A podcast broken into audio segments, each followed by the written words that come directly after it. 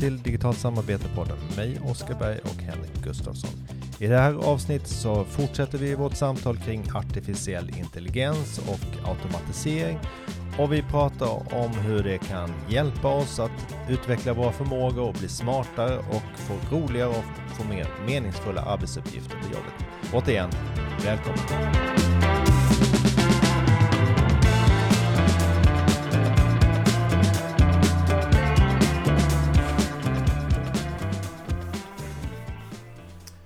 Ja, vi möts igen. We meet again. Fortsättning på ett tema eh, vi började prata om i förra avsnittet. AI, artificiell intelligens, automatisering. Eh, stort ämne eh, märker man ju när man börjar prata om det här. Väldigt många olika perspektiv och eh, oerhört svårt att förutsäga hur snabbt saker och ting kommer att gå. Men superintressant så att jag ser fram emot detta. Det är ju eh, framförallt du då som har jobbat med att göra research inför det här avsnittet. Att jag, jag är väldigt nyfiken på vad, vad som kommer att hända. Om vi nu pratar om AI och automatisering och vad som kommer hända med det och potentialen eh, som företag och andra ser kring AI och vad som kommer hända med våra jobb så kommer den här diskussionen, det här samtalet mer fokusera på hur det kan stärka våra förmågor och vad vi behöver utveckla för förmågor som människor framöver. Vi har ju konstaterat att AI och robotar, kom, de kommer inte att ersätta oss. Alltså de kommer inte att ta bort oss, ur arbetskraften om man säger så, men de kommer ta över vissa typer av arbetsuppgifter. Ja, men vi, något som vi var inne på i förra avsnittet är ju den här kontinuerliga förändringen som ändå pågår med yrken som, som kommer och, och försvinner. Och när jag tänker på det här med posten, alltså vi kan ju Går vi tillbaka ännu längre så hade vi Ponyexpressen i, i USA som tog post från ena änden eh, eller ena kusten till den andra. Det här kan jag bidra med, med härliga fakta. Det var ju hundra ryttare som flyttade post i 300 mil.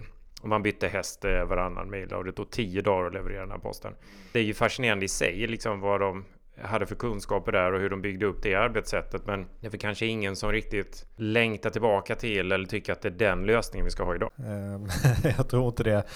Även om det var tråkigt för ponnyexpressryttarna som uh, blir av med sina jobb. Kanske skönt för ponnysarna som släpper jobba ja, så hårt. Jag tänkte också på ponnysarna här eh, och jag tänkte på hur mycket foder de behöver och uh, vad det kostar att ha hundra ryttare och hur mycket post de kunde bära. Alltså vad blev kostnaden per brev? kan man ju fundera över. Du, hittar inget sånt? Eh, nej, så långt gick jag inte. Utan det kändes ganska självklart. Liksom, business-caset för att an börja använda tåg istället på den här sträckan. Ja, för, ganska... för, för, att det måste kosta en hel del. För de första e-postmeddelandena kostade ju flera kronor. Alltså det är absurt idag. Idag kostar det ju ingenting. Och mycket av det vi pratar om handlar ju om eh, vad som händer nu när den kostnaden drastiskt försvinner, mer eller mindre då och vad det är möjliga. Men det var inte det vi skulle prata om, utan vi skulle prata om vad utvecklingen ställer för krav på oss på olika sätt och eh, vilka möjligheter också som finns eh, utifrån ett mer mänskligt eh, perspektiv. Alltså vi var inne på det även i förra avsnittet att den här stora och snabba omställningen ställer ju väldigt höga krav på en eh, kompetensförflyttning eller en, en, en väldigt stor utbildningssatsning. Men, men frågan fick kanske hänga kvar lite i luften förra gången. Mm. Har, har du tittat närmare på de delarna? Pew Research Center, de har tittat just på det här och de menar då att de nuvarande utbildningsstrukturerna, de är inte redo för de här effekterna som vi kan förvisso bara gissa oss till, men som vi ser ändå kommer komma dramatiska effekter på sysselsättningen det de har eh, sett är att lärande institutioner inte förbereder då dagens generation för den här framtiden. Men jag tänker på utbildningsväsendet har kanske varit starkast på de här hårda färdigheterna, men det som efterfrågas är väl snarare de mjuka. Ja, men det så blir det ju. Att slå upp fakta och eh, ta reda på, det har vi ju redan idag eh, verktyg som hjälper oss med och eh, det kommer AI och den här personliga vad assistenten assisterar mig med. Eh, så att det blir inte lika viktigt att kunna allting. Eh, man behöver ha en förståelse för eh, sammanhang och, och orsak, verkan, konsekvenser och så vidare. Men att liksom proppa sig hjärnan full med fakta är det kanske inte det eh, sättet som man förbereder sig för framtiden. Utan det är ju problemlösning och kreativitet och empati, eh, att eh, kunna fatta beslut, sunt förnuft, kunna väga olika eh, saker mot varandra och så vidare. Om vi ska bygga vidare på vad vi människor är bra på så borde vi utbilda oss ännu mer inom de mjuka färdigheterna för att AI-teknologi kommer att ersätta mer, fler av de hårda. Ja, det är ett sätt att se på det absolut. Och eh, AI är grymt på de här hårda färdigheterna, men är inte bra på ännu då i alla fall. Vad vi ser ändå under överskådlig tid är att AI inte kan replikera de mjuka färdigheterna som vi har. Att människor kommer förmodligen ha övertaget under lång tid framåt när det gäller att kommunicera och skapa team, samarbeta, kritiskt tänkande, strategiskt tänkande och så vidare. Det är en färdighetsförflyttning även där helt enkelt. Eh, att vi blir bättre på det här med att tänka djupt och arbeta djupt och även när vi samarbetar gör vi det på eh, ett djupare sätt för att få eh, effekt på det som vi som människor och medarbetare egentligen är bäst på. Ja, som vi kanske slipar ner i skolan och istället för att utveckla det så monterar vi ner det i, i mångt och mycket. Att, eh, skolan har ju varit en institution för att utbilda arbetare och tjänstemän till fabriker och liknande och det är ju någon typ av massproduktion i grunden. Och det är fortfarande massproduktion på det, på det sättet att vi ska utbilda framtidens eh, arbetskraft. Då. Men det är ju en helt annan typ av yrken och, eh, och arbetsuppgifter som man kommer ha. En siffra till här från eh, PVC PWC som säger att 72% av företagens beslutsfattare anser då att AI kan göra det möjligt för människor att koncentrera sig på ett mer meningsfullt arbete. Och det är ju då en, eh, menar man, en förändring i arbetsplatskulturen som leder till ett mer kundcentrerat eh, tillvägagångssätt. Och att kundupplevelsen, den är ju liksom top of mind för många företag. Där kommer det bli en, en, ett skifte att man kan fokusera mindre på interna eh, liksom back-office-grejer och mer på det här externa kundupplevelsen, att utforma den och bemöta kunder och så vidare som, som då kommer kunna ge en, eh, ett ökat eh, värde för kunderna. Mm. Ja, du säger kundupplevelsen och det, det är helt, helt rätt att vi inte får tänka så mycket inifrån och ut utan mer in, utifrån och in. Men vi ska väl också lyfta fram medarbetarupplevelsen då om vi pratar om att vi behöver lyfta våra mänskliga förmågor, då behöver vi ju ta hand om våra medarbetare på ett bättre sätt och erbjuda dem, erbjuda dem bättre förutsättningar för att prestera utan att de blir stressade och bränner ut sig. Mm. Och en del i, i det här är ju då att AI kan spela och robotar kan spela en roll att avlasta oss och eh, göra det möjligt för oss att fokusera på de mer meningsfulla uppgifterna för oss då. Och att de blir Eh, Eh, både assistenter och eh, kollegor eh, och att de blir förlängningar av våra egna fysiska och mentala förmågor. Jag har ju skrivit om detta i min bok Överlevnadsguide till digitalisering och om jag ska summera lite så tar jag avstamp i att det idag i princip omöjligt för en organisation att långsiktigt detaljplanera sin verksamhet och det här har vi ju tagit upp flera gånger att man måste vara snabb på att förändras och man måste känna av vilket håll som marknaden och kundernas beteenden och tekniken är på väg och snabbt kunna anpassa sig då. Eller helst av allt så vill man ju kunna leda den här utvecklingen så man är den som sätter riktningen och formar beteende.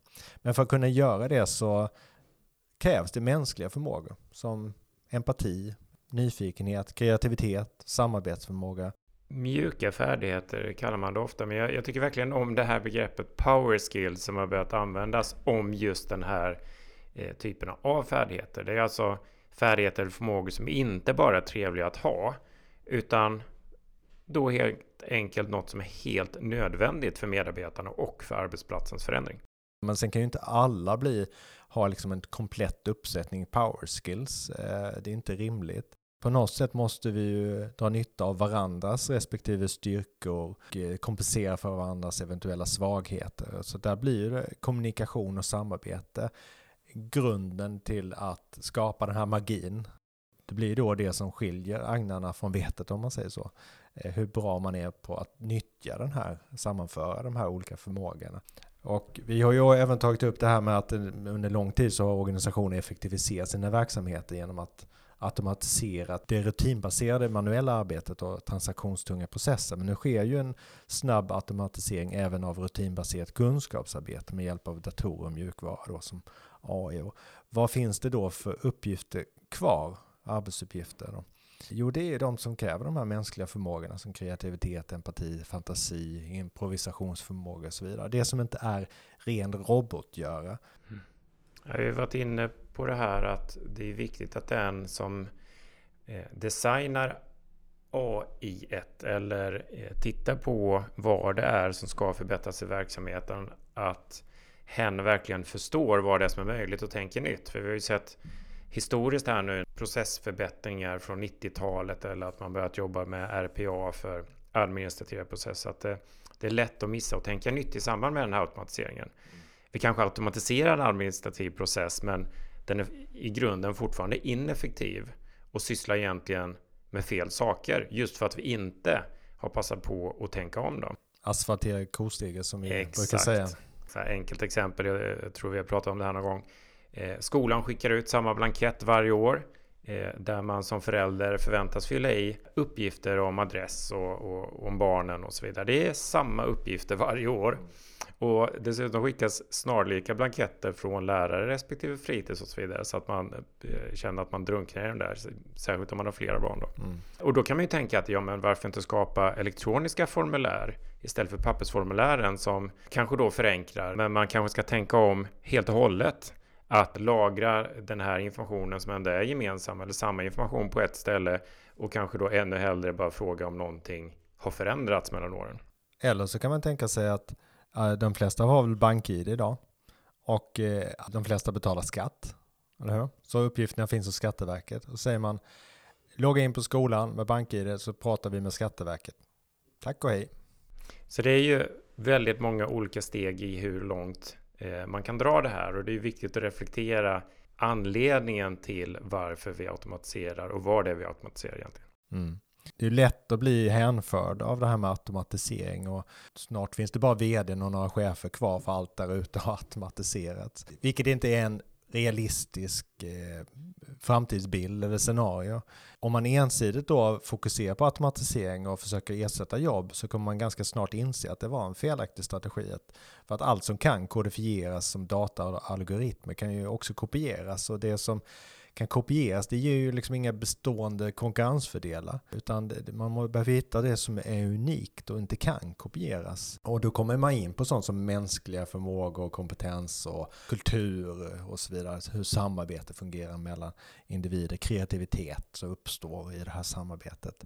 Det som främst kommer hända med automatiseringen genom robotar och AI är att de börjar utföra vissa specialiserade uppgifter åt oss. Då. Och de kommer som sagt sköta de här tråkiga repetitiva delarna av våra jobb och samtidigt då avlasta oss så att de, vi kan få de här, utveckla de här förmågorna som vi behöver utveckla. Och utmaningen är att återupptäcka och utveckla de här mänskliga förmågorna. Det krävs en enorm omställning, inte bara för individ, individer och organisationer utan även då för samhället i stort, eh, skolan som vi till exempel varit inne på.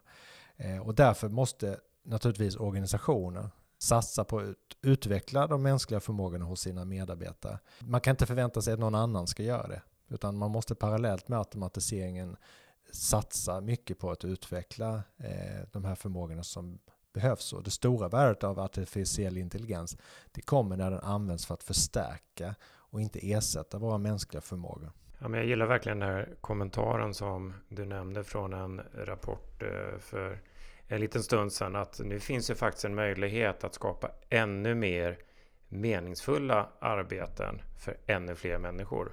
Och det är ju någonting som det kanske inte, tycker jag, eh, pratas tillräckligt mycket om i den här förändringen, utan det är väldigt mycket fokus på vad vi riskerar att förlora. Är glaset halvfullt eller halvtomt? Och vi ser det ofta som halvtomt. Den här, just den här tanken på att eh, AI kommer användas för att förstärka våra förmågor. Det skrivs allt mer om det här i exempelvis olika rapporter och analyser som görs av sådana som McKinsey, Gartner, PVC och Forrester. Det vill säga då att AI kommer gynna jobben och göra våra arbetsuppgifter mer meningsfulla. Eh, McKinsey uttryckte det då i en färsk rapport att de svårare aktiviteterna att automatisera Eh, med för närvarande tillgängliga teknik är de som involverar att hantera och utveckla människor. Och där ser man 9% automatiseringspotential naturligtvis, så vill de lyfta fram det. Eh, eller då de som eh, tillämpar expertis på beslutsfattande, planering och kreativt arbete, där ser man 18 procent. Kontentan, vi ska inte fokusera på de här procenten utan, det, utan snarare att konstatera att datorerna är, är bra på att optimera men de är inte så bra på att tänka strategiskt till exempel och sätta upp mål eller använda sunt förnuft för den delen. Eh, inte än i alla fall. Ekonomen James Bessen konstaterar citat Problemet är att människor förlorar jobb och att vi inte gör ett bra jobb för att ge dem den kompetens och den kunskap de behöver för att arbeta i de nya jobben. Jag använder ju Blinkist som en liten genväg för att läsa böcker ibland. Eh, när man inte orkar läsa eller hinner med att läsa hela böckerna. Eller behöver gå igenom ett större Nej, material. Ska man, ska man snabbt eh, ta sig igenom och se vad olika böcker i facklitteratur har och liksom för budskap och vad de kan erbjuda så är det, är det ett bra, en bra typ av tjänst. Då. Jag eh, läste en summering av boken The Human Edge där författaren då för fram det som gör oss människor unika, det som så att säga ger oss edge. Och artificiell intelligens är som sagt bra på att utföra specifika uppgifter. Vissa är då byggda för att känna igen ansikten, andra för att översätta språk och det finns till och med maskiner som komponerar musik idag. Men de kan göra allt det här mycket snabbare än vad vi kan men däremot är deras kunskap och färdigheter begränsade just till de här uppgifterna. Då. Evolutionen har dock gett oss människor färdigheter som tar, många tar för givet. Och den här författaren sammanfattar då de här eh, gåvorna eller förmågorna som de fyra scenerna. Creativity, Curiosity, Consciousness och Collaboration. Alltså kreativitet, nyfikenhet, medvetenhet och samarbete. Ja, det är intressant. Det finns ju andra fyra scen som man pratat om inom utbildningsväsendet ganska länge i samband med att eh, beskriva vilka färdigheter som är viktigast under 2000-talet. Det, det är samarbete och kreativitet även där. Eh, men det är kommunikation och kritiskt tänkande som man mm. har lyft fram då. Och jag tänker att det, en, det finns ju ändå kopplingar mellan de här scenerna. För kommunikation kräver ju någon form av relation och empati, vilket mm. är svårare för AI. Eh, och det här kritiska tänkandet kommer ju, är, ligger också ganska nära det här med vår medvetenhet. Mm.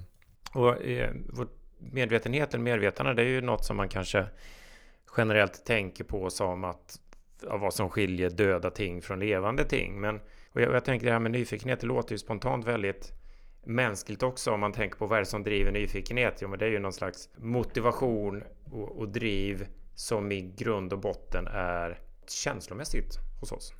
Ja, det är nog inte så eh, rationellt. Eller hur? Att ska jag, det, ofta är det ju liksom, utsätter vi oss själva för fara. När vi vill titta under ett lock eller vad det nu är vi är nyfikna på. Vad är det som döljer sig där? Att få AI utveckla nyfikenhet kan nog bli farligt. det är svårt att se vad är det som gör att vi har liksom agerat på ett visst sätt när det gäller eh, vår nyfikenhet. Eh, och AI är ju inte i närheten av att utveckla de här förmågorna och, och därför behöver vi sätta vårt fokus på att utveckla de här Eh, så att ge oss då edge i arbetslivet. Då.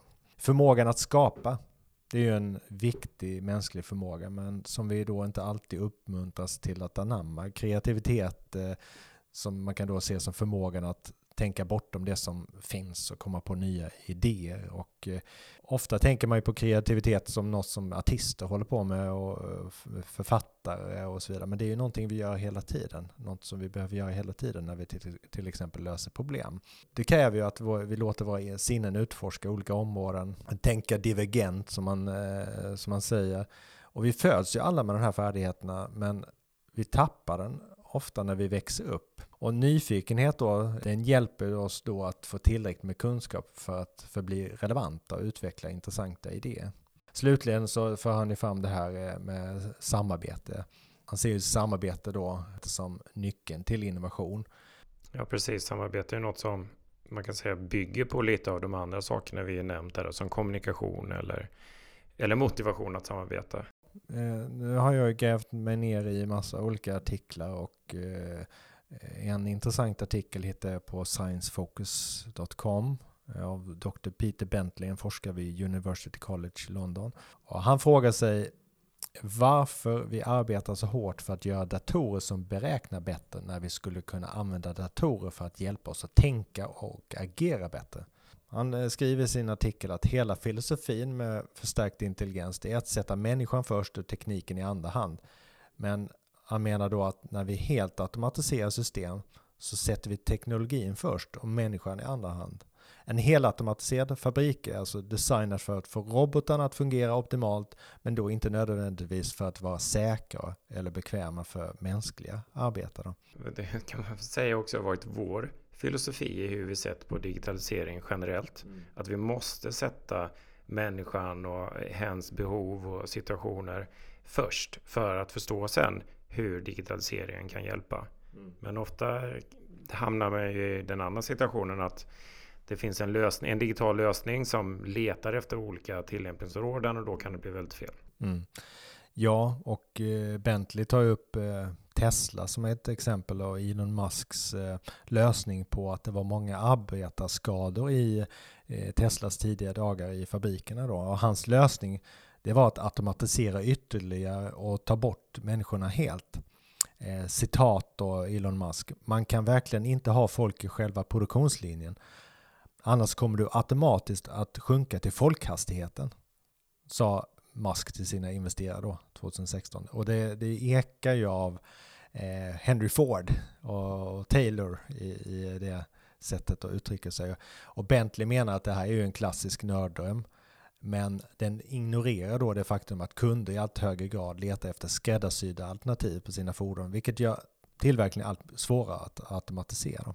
Och människor är ju den mest flexibla och anpassningsbara delen av, i en fabrik. Så istället för att försöka ersätta de eh, svårprogrammerade och komplexa robotar kanske det vore mer vettigt att förbättra erfarna arbetares förmågor med hjälp av robotar och AI som, som då de kan använda för att förstärka sina eh, förmågor. Det är ju val som vi gör helt enkelt. Det kommer inte tekniken bestämma åt oss utan det är ju hur vi eh, närmar oss den och väljer att använda den. Mm. Ja, och Bentley menar ju att man inte ska automatisera målningen utan istället ge konstnären ett nytt slags medium att arbeta med. Och byter inte ut skådespelaren utan, och döljer inte den här personens skicklighet genom efterproduktion utan ger henne möjligheten att finjustera sin bild när hon uppträder. Digitalt förändra hennes utseende och ljud för att passa hennes prestation. Man, och det är så man mycket gör idag, i, även i filmen, att det är ju en skådespelare i botten och sen så gör man anpassningar för det här. Så man har ju inte bytt ut alla mot avatarer. Eh, precis, och det är väl i eh, de här senare Star Wars-serierna som exempel så har vi ju de gamla originalskådespelarna som spelar sig själva fast de får en yngre förpackning för att eh, Eh, Eh, film, de eh, serierna som kommer utspelar sig tidigare då. Så att här bygger man ju ändå på, på människan och eh, skådespelaren eh, i grunden. Men jag kommer att tänka på ett annat bildexempel. Jag tror det var du som nämnde för några år sedan att, att Toyota har ju eh, drivit det ganska långt att automatisera sina produktionslinjer men att man har gått tillbaka där och återinfört människor för att robotarna kan inte själva komma på förbättringar i de här produktionslinjerna. Och det, förbättringsarbete är ju något som vi känner till att det är en otroligt viktig princip eh, hos Toyota. Mm. Ja, det är det Elon Musk då tappar i sin helautomatiserade fabrik. Och har man då designat den här fabriken enbart för robotar så kan inte människor eh, vistas i den och fungera i den. Så att, eh, Toyota tycker jag är ett bra exempel på Eh, Eh, där de, de letar hela tiden efter möjligheten att ersätta en robot med en människa för att det visar på en potential. Om en människa kan tillföra någonting eh, som inte roboten har, ja, då ska de göra det för då, då blir det en bättre output. Man säger så. Jag läste ett annat exempel från eh, Toyota. Det var en eh, artikel om arbetsdesign. att Tidigare när man fick problem i produktionslinjen då tryckte man liksom på knappen och, och då fick allting stanna. Hela produktionskedjan stannade. Men idag har man en annan knapp som man också kan trycka på. Det är att det uppstår ett problem, eh, man kanske inte löser det själv eh, eller så eh, behöver man hjälp att lösa det här problemet. Och istället för att stanna i hela produktionskedjan så får man hjälp och så har man en viss tid på sig att lösa det problemet innan det får konsekvenser för helheten.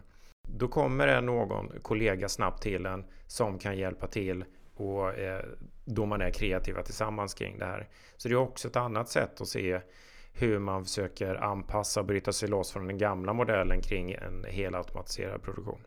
Mm medarbetarna kan fullända de manuella processerna och sen därefter kan man automatisera dem igen. Och det här är, handlar ju mycket om sunt förnuft då, eh, som människor har betydligt mer av än robotar som inte har någonting. Jag fastnade för ett citat från den här artikeln som beskriver det här om hur Toyota sätter tillbaka människorna i fabriken och det är att vem som helst kan köpa robotar men kunskapen om hur man använder dem effektivt skaffar man sig bäst själv. Det Där är konkurrensfördelen kommer finnas här. Vem som helst kommer kunna skaffa sig AI, men hur man använder dem bäst för sin verksamhet, det måste man skaffa sig själv.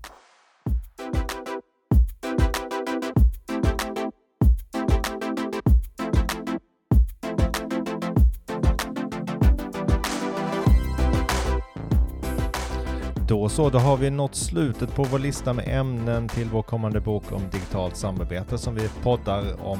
Vi kommer fortsätta den här podden på ett eller annat sätt. Vi kommer bland annat bjuda in lite gäster och diskutera olika ämnen med oss och eh, fortsätta diskutera ämnen relaterat till digitalt samarbete. Tack för att du lyssnade.